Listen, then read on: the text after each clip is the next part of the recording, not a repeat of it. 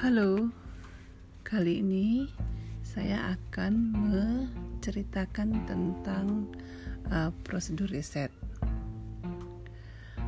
Prosedur riset tentu saja dimulai dari uh, masalah yang ada di lapangan, atau masalah yang akan kita angkat, atau masalah yang menarik perhatian kita. Dalam masalah itu, ada ada tiga hal penting yang perlu diingat oleh peneliti. Yang pertama adalah bagaimana masalah itu terjadi. Yang kedua, bagaimana hubungannya dengan faktor-faktor lain yang terkait dengan masalah atau eh, hal-hal uh, yang ingin diteliti.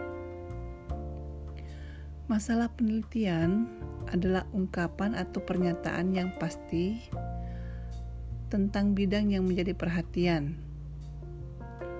kondisi yang harus diperbaiki, kesulitan untuk dihilangkan, atau pertanyaan yang mengganggu yang ada dalam literatur teori ataupun dalam praktek yang menunjukkan adanya kebutuhan akan pemahaman yang bermakna dan penyelidikan yang disengaja.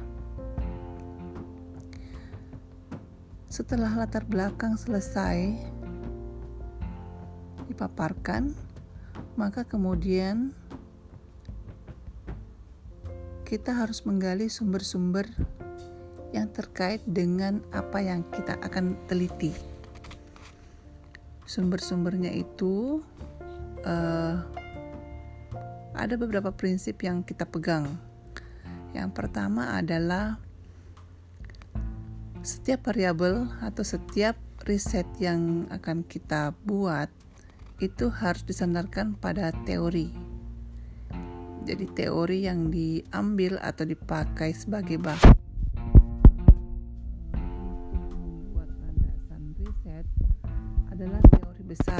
atau disebut dengan big theory.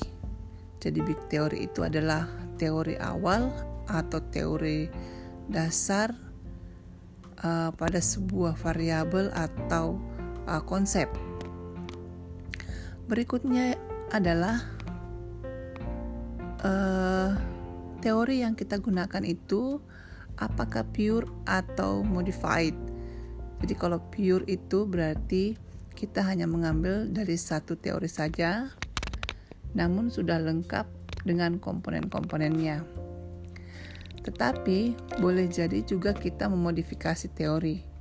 Jadi eh, beberapa teori kita kumpulkan, kemudian kita modifikasi dengan indikator-indikator yang ada di dalamnya. Berikutnya adalah uh, membuat konstruk. Jadi membuat konstruk ini penting karena nanti akan berpengaruh kepada bagaimana kita menyusun instrumen. Nah, ya, tentu saja nanti ini juga akan berakibat atau berefek kepada bagaimana outline instrumen. Itu bagian yang kedua. Bagian ketiga adalah uh, menyusun hipotesis. Menyusun hipotesis itu tidak semua riset jadi hipotesis hanya ada dalam penelitian korelasi, eksperimen dan uh, penelitian tindakan. Dalam penelitian tindakan pun uh, berbeda pernyataannya dengan korelasi dan eksperimen. Selanjutnya adalah variabel. Nah, variabel ini dalam riset-riset kuantitatif atau post positivistik terdiri dari dua variabel uh, dependent dan variabel independent. Variabel dependent adalah variabel yang tergantung pada faktor-faktor lain yang diukur. Sebaliknya, variabel independen adalah variabel bebas, artinya tidak terukur dan selalu stabil. Berikutnya adalah subjek. Subjek penelitian adalah individu yang berpartisipasi dalam penelitian. Informasi atau data dikumpulkan dari dan tentang individu yang membantu kita untuk menjawab pertanyaan, pertanyaan penelitian.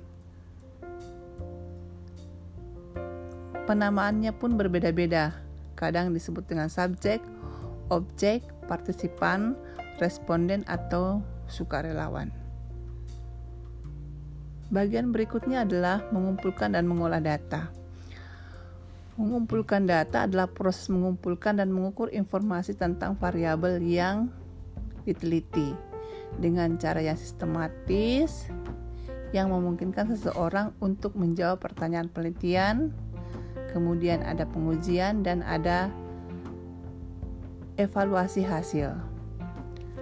Berikutnya adalah analisis data. Jadi analisis data ini adalah proses penerapan sistematis statistik atau teknik logis untuk mengilustrasikan, menyingkat, atau merekap, serta mengevaluasi data.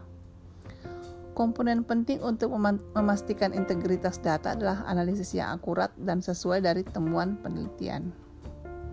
Hal terakhir dari uh, prosedur riset ini adalah membuat simpulan. Simpulan ini dimaksudkan untuk membaca, untuk membantu pembaca memahami mengapa penelitian penting. Jadi uh, kesimpulan merupakan ringkasan poin-poin atau pernyataan pernyataan ulang masalah penelitian, tapi juga berisi sintesis poin-poin utama. Dalam kesimpulan ini juga uh, dicantumkan rekomendasi. Rekomendasi adalah pernyataan yang dibuat berdasarkan kelemahan-kelemahan atau ketidakpuasan peneliti terhadap prosedur atau hasil penelitian. Baik, sekian prosedur penelitian kali ini. Bagian-bagian uh, prosedur tadi akan dijelaskan lagi pada episode berikutnya. Terima kasih.